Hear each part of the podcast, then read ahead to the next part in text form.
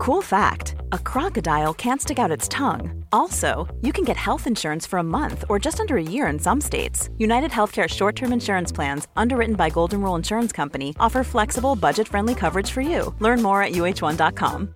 Introducing Wondersuite from Bluehost.com. Website creation is hard, but now with Bluehost, you can answer a few simple questions about your business and get a unique WordPress website or store right away.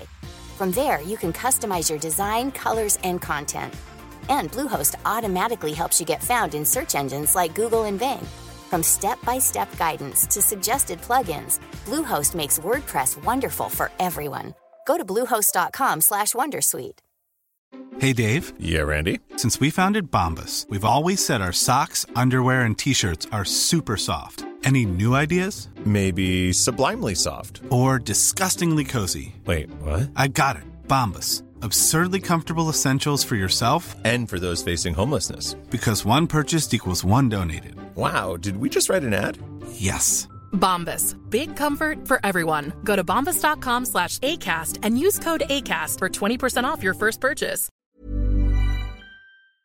Den här veckan presenteras Market Makers av inga mindre än IKEA. Och det här, Fabian, ligger mig varmt om hjärtat. Eh, det var ju några år sedan nu, men då var jag faktiskt med och inredde kontor till företaget jag drev. Men vi, och vi körde faktiskt i princip uteslutande möbler från IKEA, med kök och hela rubbet. Eh, och som nog alla vet, varför väljer man IKEA? Jo, för att det står för hög kvalitet, snygg design och fantastiska priser. Ja, jag sitter i en kontorsstol nu från eh, Ikea och jag vet ju att många finansexperter där ute gillar att köpa de här Herman Miller-stolarna för, eh, går om för 5 till 10 000. Och jag har ju själv suttit i sådana och jag tycker den här stolen från Ikea, den är minst lika bra om inte bättre, men liksom en tiondel av priset. Ja, jag håller med. Och jag sitter med ett Ikea-skrivbord faktiskt, höj och sänkbart, som är fantastiskt bra. Det enda som var synd när jag inredde kontor, det var att då hade inte Ikea lanserat sitt lojalitetsprogram för företag. Men nu har de gjort det. Det heter Ikea Business Network och är man med där så får man helt enkelt massvis av extra erbjudanden och förmåner. Till exempel alla inköp samlade digitalt, en timmes kostnadsfri rådgivare med företagsinredare och tillgång till alla Ikea Family-priser. Ja, och för dig som byggde kök så hade det ju faktiskt blivit ännu billigare idag. För om du går med i Ikea Business Network får du ta del av erbjudanden som ger dig 25% på köksstommar vid köp av ett komplett kök. Och den rabatten hade ju sparat dig många, många tusenlappar. Verkligen. Och du som lyssnar, du har ju chansen att ta del av det här. Om du går in på ikea.se företag så kan du läsa mer om vad Ikea kan erbjuda för just ditt företag och du kan gå med i deras lojalitetsprogram Ikea Business Network. Vi säger stort tack till Ikea. Året är 1957 och Warren Buffett har börjat göra ett namn för sig själv som en klipsk investerare i sin lilla hemstad Omaha i Nebraska. Och det här är innan Berkshire Hathaway, då han fortfarande driver sitt så kallade partnerskap. En del av hans jobb är att möta upp med potentiella kunder för att sälja sig själv och sin investeringsförmåga för att få dem att investera med honom i partnerskapet. Och en dag har han ett möte med paret Davis. Fru Davis är väldigt intresserad när Warren förklarar hur han kommer ta hand om deras pengar om de väljer att investera med honom. Men herr Davis, eller Dr. Davis, verkar inte ägna Warren en sekund av sin uppmärksamhet. När mötet är över så går paret med på att investera 100 000 dollar med Warren och det är inte en liten summa 1957. Warren vände sig då undrades till Dr. Davis. Varför vill du investera så mycket pengar med mig när du inte alls var närvarande under mötet? Davis svarade då att Warren påminner honom väldigt mycket om en viss Charlie Munger. Warren funderar ett tag innan han utbrister. Jag vet inte vem Charlie Munger är, men jag gillar honom redan. I'm amazed how many people own stocks. They, they would not be able to tell you why they own it. They couldn't say in a minute or less why they own it. Actually, you really press them down, they'd say, the reason I own this is the sucker's going up. There's enough cash in the financial system, and there's an infinite amount of cash at the Federal Reserve, an infinite amount of Put that check in a money market mutual fund. Then we'll reinvest the earnings into foreign currency accounts with compounding interest, and it's gone. So they had to do something. All they had left was just to print money and start buying things. And that's what they did. Quick buck artists come and go with every bull market, but the steady players make it through the bear market. They say money can't buy happiness. Look at the fucking smile on my face. Hej och välkommen till ett nytt avsnitt av Market Makers. Ett specialavsnitt dessutom. Vad ska vi prata om den här veckan Fabian? Ja, som ni säkert hörde i introt så är ja, dagens avsnitt det är inte ett vanligt avsnitt. Det är ett specialavsnitt om just Charlie Munger och eh, Charlie Mungers liv.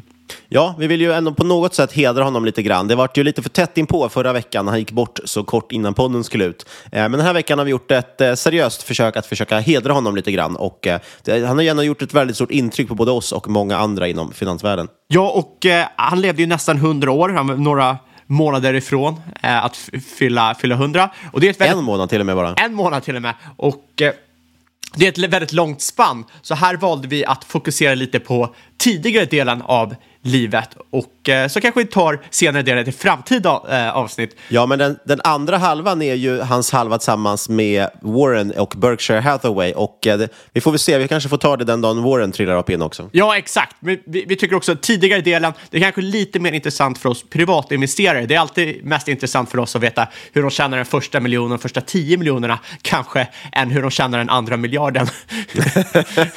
Ja, det är lite lättare att applicera på sitt eget liv kanske. Ja, oavsett vad vi säger eller vad Charlie Munger har gjort eller hur många miljarder du har på kontot så ska du komma ihåg att det inte är någon rådgivande rekommendation som pågår i den här podden. Vi berättar bara om vår process och hur vi tänker. Du måste alltid göra din egen analys och glöm aldrig att alla investeringar är förknippade med Risk.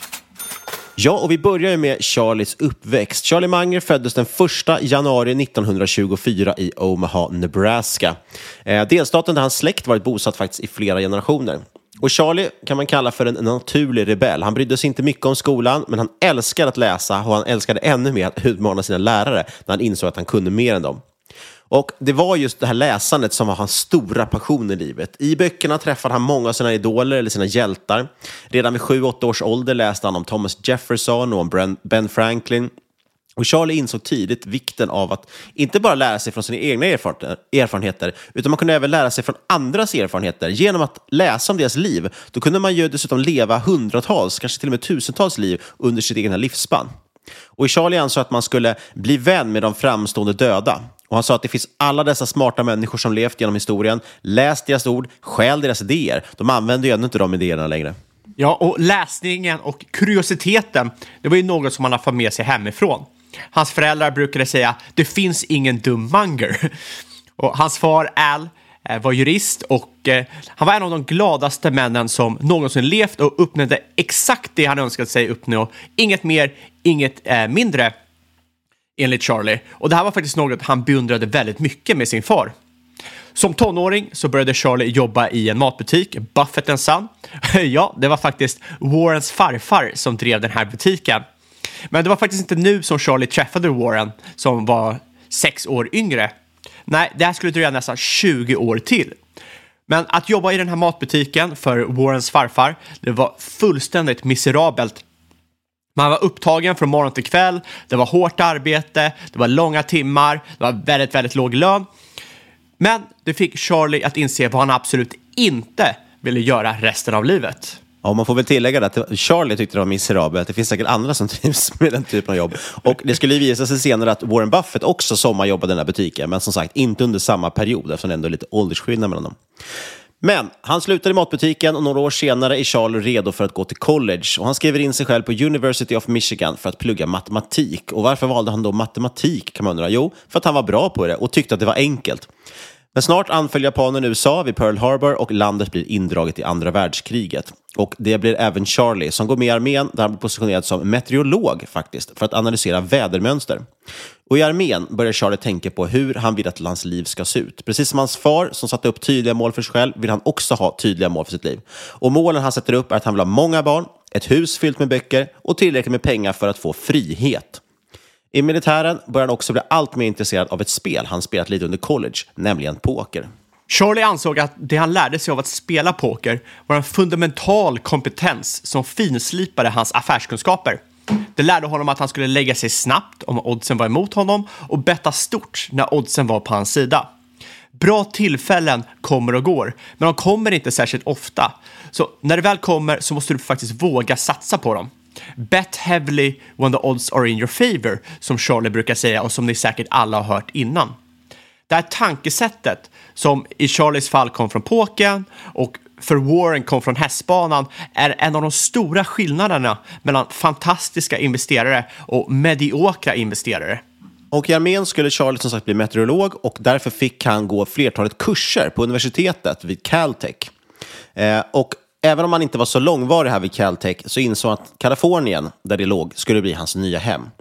Och i samma veva fick Charlie även studera en kurs i fysik som fundamentalt faktiskt skulle ändra hans syn på världen. Han var så imponerad av processen som fysiker som Albert Einstein följde för att ta itu med det okända. Att hitta svar genom att bryta ner ett problem till de mest grundläggande och basala delarna. Han ansåg att det här var en metod som kunde appliceras överallt i livet. Och Charlie sa ofta att alla som vill bli framgångsrika bör studera fysik eftersom dess begrepp och formler så vackert visar styrkorna hos sund teori. Det är liksom vetenskaplig, vetenskaplig teori för kroppsligen. Och dessutom lär fysik en människa djup koncentration och fokus eftersom det krävs mycket tankekraft och slit för att lösa en uppgift. Trots flera år bakom skolbänken och i armén hade Charlie fortfarande inte en kandidatexamen. Men detta avskräckte inte honom från att anmäla sig till juristprogrammet på Harvard, där även hans far gått, som i USA faktiskt kräver en kandidatexamen. Först nekades Charlie inträde, men efter lite trådar drogs av en kär familjevän, eh, före detta dekanus på Harvard Law, så kom han in. Charlie utmärkte sig som en toppstudent på juristprogrammet och 1948, vid 24 års ålder, tog han examen och började jobba som jurist i Kalifornien. Framtiden såg ljus ut för Charlie. Ja, generellt kan man väl säga att det känns som att Charlie i sin tidiga del av livet haft det väldigt lätt, men det där skulle väldigt snabbt förändras för honom. Fem år efter han har gått på Harvard Law så kraschar hans liv ihop fullständigt. Vid bara 29 års ålder så gick Charlie igenom en skilsmässa med sin första fru Nancy som han träffat under sin tid på universitetet. Men om inte det var illa nog så fick även Charlie höra det otänkbara. Hans nioåriga son Teddy hade leukemi, alltså blodcancer. Och hade han fått den här diagnosen idag, då hade han med stor sannolikhet överlevt det. Men 1953 så var det här en dödsdom. Så Charlie fick se sin enda son tyna bort i en horribel sjukdom och utom sig av sorg brukade Charlie gå längs gatorna i Pasadena gråtandes. Vid 30 års ålder var Charlie på botten. Han var skild, han hade förlorat ett barn och han var pank. Jurister tjänade inte särskilt mycket pengar på den här tiden och han hade spenderat varje slant han hade på Teddys sjukhusräkningar. Men han insåg också att livet är kort och det finns ingen anledning att leva ett liv som inte han bestämde över. Han skulle satsa på att göra det han var naturligt intresserad av, det han var bra på. Och det här var enda sättet han skulle kunna jobba sig upp, bli framgångsrik och leva det liv han drömde om. Sen, senare i livet skulle Charlie ofta prata om den här delen av sitt liv och hur det påverkade hans synsätt. När något negativt händer dig, ditt barn kanske blir sjukt, får cancer och dör, så är det såklart okej okay att sörja. En sån händelse kommer förändra dig för resten av livet. Men att leva med självömkan, att sitta och tycka synd om sig själv, det kommer aldrig vara lösningen på dina problem. Och det här synsättet kanske låter hårt, men är väldigt fundamentalt Charlie och hur han såg på livet och världen. Och sakta men säkert börjar han bygga upp sitt liv igen och sina affärsverksamheter. Det började smått, genom att betala sig själv så att säga med en timmes arbete om dagen i det han faktiskt vill göra innan han tvingas gå till jobbet. Så han la alltså en timme varje dag på att göra någonting han själv vill göra utöver sitt vanliga jobb och såg det som en investering i sig själv. Och på det här sättet kunde han långsamt börja bygga upp färdigheter och även kassaflöden som annars inte vore möjliga.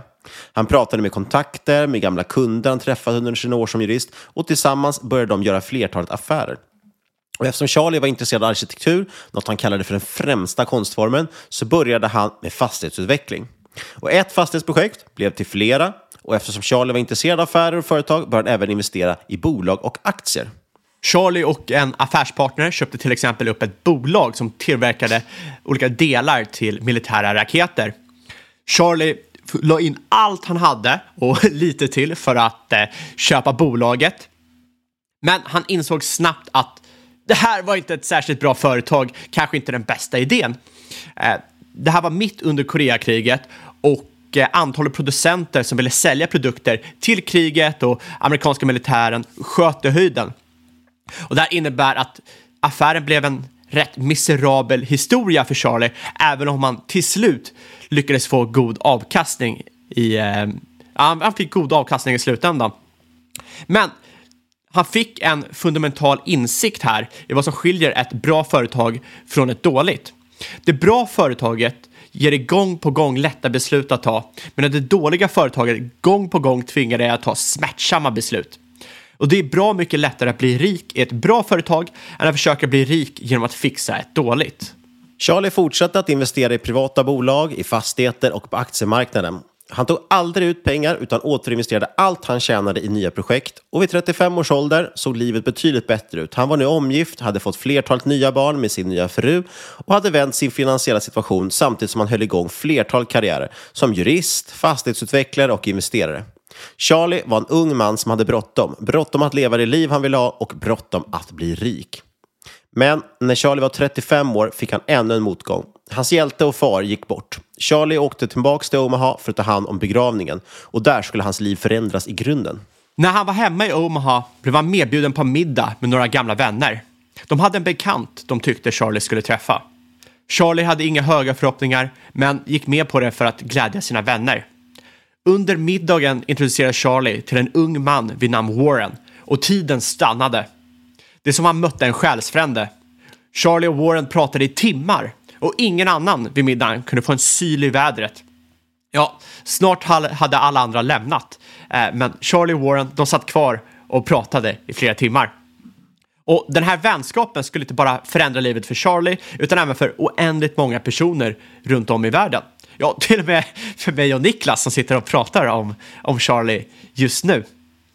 Warren var extremt kritisk till att Charlie slösade sin tid som jurist och advokat. Han ansåg att juridik var en bra hobby, men att Charlie borde satsa helhjärtat på investeringar.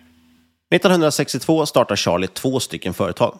Det ena är en advokatbyrå, alltså hans gamla yrke, men han startar också ett värdepappersföretag. Och det här är ungefär samma veva som Warren börjar köpa aktier i något litet textilföretag i New England som heter Berkshire Hathaway. Charlies advokatbyrå kommer att gå bra, men han tänker mycket på det Warren har sagt. Och han själv ansåg att juridik var en spiral av ren olycka. Slet man som ett djur, man jobbar 24-7, gav allt man hade för en kund, så var ofta belöningen bara att få göra exakt samma sak igen för nästa kund. Och endast tre år efter att Charlie startade advokatbyrån bestämmer han sig för att satsa helhjärt på investeringarna istället. Han anser att han kan tjäna tillräckligt mycket pengar på det nu för att aldrig mer behöva förlita sig på sin juristlön. Därmed överförde han sitt ägande till sina partners på advokatbyrån och tog farväl.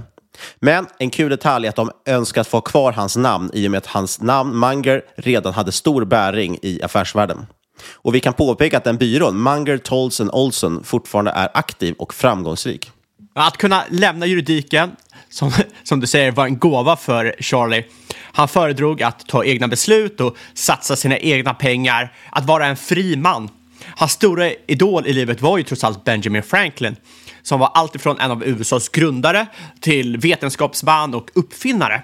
Och en stor anledning till varför Franklin kunde leva ett så defärskt liv, göra så många grejer, så många intressanta grejer, det var ju att han snabbt lyckats kravla sig upp ur fattigdom till att bli finansiellt fri och inte leva efter någon annans plan. Och nu kommer vi in lite på det här kring Charles som investerare. För nu la Charlie ner all sin tid på sitt partnerskap som han kallade Wheeler and Munger. Charlie höll god kontakt med Warren under den här tiden, men han drev sitt egna partnership och de hittade faktiskt flera intressanta case att investera tillsammans i. Både Warren och Charles partnership var mer lik en klassisk hedgefond skulle man kunna säga, än det som Berkshire är idag. Och Charlie, han köpte gärna så kallade cigar butts, precis som vi vet att Warren höll på med. Men han gjorde också arbitrageaffärer, han köpte till och med upp hela bolag. Men framförallt gillar han att inte bara kolla på ett företags balansräkning, utan även på de immateriella egenskaperna såsom management, eller ett varumärkes hållbarhet och dess konkurrenssituation. Charlie, han var inte rädd att använda hävstång för att öka sin avkastning om han tyckte att risk-reward var tillräckligt bra och oddsen var på hans sida. Det här var ju någonting om du kollar på Warren, han skulle aldrig göra det här. Det var för hög risk, det var för läskigt. Men det var fritt fram för Charlie. Charlie var inte heller rädd att gå all in, inte ens med, med lånade pengar. Så han hade en helt annan riskprofil på den här tiden än vad, vad Warren har och vad Charlie kanske är känd för idag. Charlie tog till exempel ett bett på British Columbia Power som handlades runt 19 dollar och som skulle tas över av kanadensiska staten för cirka 22 dollar. Charlie satsade hela sitt partnerskap, alla pengar han hade privat, allt han kunde låna på att det här arbitraget i den här enskilda aktien skulle gå vägen. Eh, men det var bara för att han visste att det var nästan noll sannolikhet, noll risk att denna deal skulle falla isär. Och det här sättet att investera är förstås väldigt riskfullt, men det gav fantastiska resultat för Charlie och hans partners. Men som sagt, med stor volatilitet på köpet. På 70-talet hade Charlie 84 procent av sin portfölj i endast två aktier. Det var Blue Chip Stamps, ett kupongbolag, och The New America Fund, en eh, slags VC-fond. Manger hade en drawdown på 50 procent när marknaden vek sig, vilket måste ha svidit rejält. Men han var långsiktig och förstod att marknaden skulle repa sig, så att ja, han såg det bara som en stressfull period som skulle gå över. Ja, både Warren och Charlie insåg rätt snabbt att de faktiskt inte gillade att investera andra människors pengar. När Charlie investerade sina egna pengar, ja, han brydde sig inte nämnvärt om förluster eftersom han visste att det var en del av processen. Ibland så viker marknads, marknaden sig och det kommer återhämta sig. Eller så har du fel, men that's life. Han visste att även den bästa spelaren vid pokerbordet kommer att förlora ibland. Men det här var inte nödvändigtvis något som hans investerare förstod. Att behöva meddela dem att han förlorat deras pengar var en oerhört smärtsam upplevelse för Charlie. Så 1974 tog Charlie steget och bestämde sig för att stänga ner sitt partnerskap och endast investera sina egna pengar. Då var Charlie cirka 50 år gammal. Han lyckades samla på sig en förmögenhet om 5 miljoner dollar, eller cirka 30 miljoner dollar i dagens pengar. Hans partnerskap hade levererat 24 procent avkastning per år i 12 år till sina investerare. Och det här kan jämföras med Dow Jones som endast lyckas generera 6,4 procent om året under samma tidsperiod. Charlie får ju ofta äran för att ha vänt Warren Buffett från att vara en så kallad cigarbutt-investerare till att börja fokusera på wonderful companies at a fair price och helt enkelt ta in det här kvalitetstänket i sin bolagsanalys. Men vad innebar det här egentligen och finns det något praktiskt exempel? Eh, ett väldigt tydligt sådant är 1972 när Seas Candies är uppe till försäljning. Seas hade blivit välkänd för att ha extremt hög kvalitet på sitt godis och under andra världskriget var det sockerbrist i USA och de flesta godistillverkare satsade på att dra ner sockret i sina produkter och därmed kvaliteten eller smaken eh, för att helt enkelt kunna få ut högre volymer. Men Seas gick åt helt andra hållet. De ansåg att det var bättre att producera så mycket högkvalitativt godis som möjligt för det lilla socker de hade. Sålde godiset slut, då fick det vara så. Det var ingen fara. Och resultatet var att köerna ringlade runt kvarteret för att kunderna så gärna ville få tag på SIS fantastiska godis som ju annars riskerade att ta slut. Och Det här fungerade dessutom som extremt effektiv marknadsföring för bolaget. Det var inget annat godismärke som folk köade för att få köpa. Andra människor på gatan började ju undra vad var det som var så himla gott att det var värt för folk att stå i den här långa kön för att få köpa. Men inte bara godiset var av hög kvalitet, det var även ekonomin i bolaget. Vanliga godisföretag hade en tendens att öppna alldeles för många butiker, vilket innebar stora overheadkostnader, något som SIS undvek. Och man hade dedikerade kunder och lågade kostnader, vilket gjorde SIS till en riktig kassaflödesmaskin. Året var alltså 1972. Charlie var 48 år gammal och SIS Candy är uppe till försäljning. Med kravet att den som köper måste bibehålla den höga kvaliteten på produkten. Warren, han var faktiskt tveksam till Seas Candy, men Charlie lyckades till slut övertala honom att de tillsammans ska hosta upp 25 miljoner dollar för att köpa bolaget. Warren hade tidigare lagt stort fokus på att köpa bolag till stor, stor rabatt jämfört med vad det är värt idag. Charlie visade honom att det kunde vara värt att betala lite mer än vad det var värt idag om det innebar att det skulle vara värt mycket, mycket mer i framtiden. Och tur var väl det, för Seas Candies har idag avkastat 2-3 miljarder dollar till Berkshire. Men då är den stora frågan, vad innebär det att betala mer för ett kvalitativt bolag? Hur mycket betalade de egentligen för Seas Candies? Jo, de betalade hela PE 11 för ett bolag med starkt brand och god tillväxt.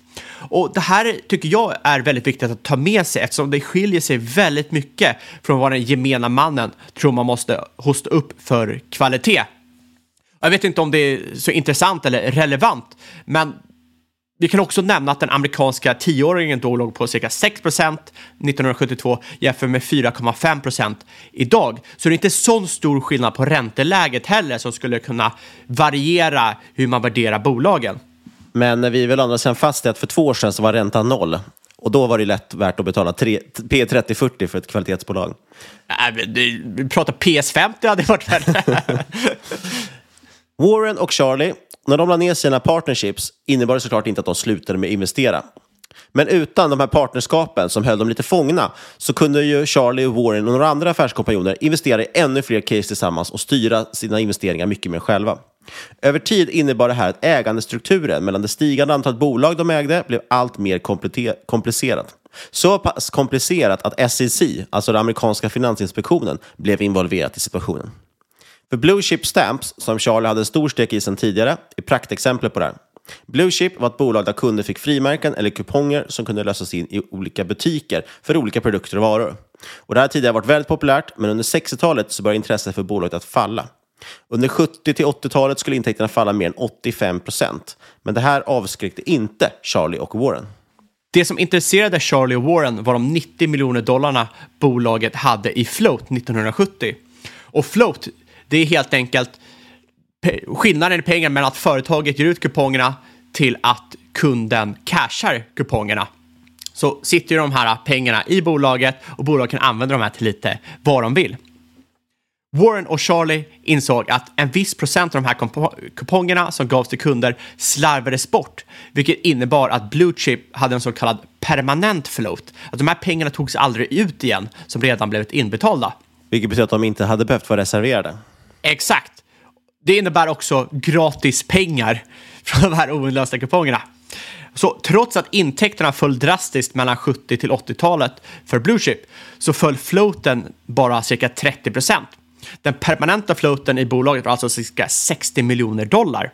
Och det här för ett bolag som hade ett market cap på 40 miljoner när Warren och Charlie blev först intresserade av det. Som ni säkert hör är det här ett praktexempel av ett värdebolag som de grabbarna skulle vara intresserade av. Men Charlie och Warren ansåg inte att bolagets management var bra nog på kapitalallokering. Så de ville göra det själva. De ansåg ju såklart att de var bättre. Så de investerade 24 miljoner i Blue Chip för en 60 stek i bolaget eh, för att kunna ta kontroll över kassan. I utbyte hade de nu 60 miljoner dollar att leka med. Med de här 60 miljoner dollarna köpte de 99 procent av Seas Candies för 25 miljoner dollar 1972. Ja, där ser ni vart de pengarna kommer ifrån. 1973 så köpte de 80 procent av Wesco Financial och 1977 så köpte de Buffalo Evening News för 35,5 miljoner dollar där cirka 70 procent av finansieringen faktiskt kom från Seas Candies vinster. Och här så, så här såg det ut för alla bolag de köpte och då var liksom, du tog vinster och kassa från ett bolag, investerade i ett annat bolag, som investerade i ett annat bolag, tillbaka till ursprungsbolaget kanske till och med. Och det blev väldigt, väldigt snabbt väldigt komplext. Och det här gillade såklart inte amerikanska finansinspektionen. SEC ansåg att den här extremt komplicerade ägarstrukturen måste vara ett försök att dölja bedrägerier. När det i verkliga fall handlar om att utnyttja undervärderade bolag för att köpa andra undervärderade bolag. Och när Charlie och Warren förstår att ägarstrukturen blivit för komplex även för SEC inser de att de var tvungna att göra någonting för att förenkla den. Så i början av 80-talet valde de att konsolidera allt ägande in i Berkshire Hathaway som ju Warren redan hade en stor stek i. Och med ett genomsnittligt anskaffningspris på cirka 40 dollar per aktie fick Charlie cirka 2% av Berkshire, vilket idag bara det är värt över 2 miljarder dollar. Och den där investeringen i Blue Chip, ja, den skulle 50 år senare vara värd över 60 miljarder dollar. Senare i livet så fick Charlie ofta frågan vad någon som inte är rik men som vill bli rik måste göra eh, för, för, för, att uppnå sitt mål. Eh, och Charlie han gav i stort sett alltid samma svar. Eh, spendera varje dag på att försöka vara lite klokare när du lägger dig än när du gick upp. Eh, var pålitlig. Eh, gör det som du säger att du ska göra. Och långsamt så kommer du hamna före i livet. Det kommer inte gå snabbt, men i slutändan brukar de flesta människor få det de förtjänar. Och med de orden så får vi väl tacka för en fantastisk inspiration av Charlie Munger och eh, ja, vi kan väl förhopp förhoppningsvis också ha tummarna för att Warren får många år framåt också. Eh, jag tror ändå fortfarande att Warren Buffett och Charlie Munger framgent kommer att fortsätta inspirera många, många eh, även efter deras bortgång. Oavsett så ska du komma ihåg att inget hört den här podcast ska ses som rådgivning. Alla åsikter varenda eller gäst och eventuella sponsorer tar inget ansvar för det som sägs i podden. Tänk på att alla investeringar är förknippade med risk och sker under eget ansvar. Kontakta oss på podcast@marketmakers.se eller på Twitter at marketmakerspod. Och sist men inte minst, kära lyssnare, stort tack för att just du har lyssnat. Vi hörs igen om en vecka.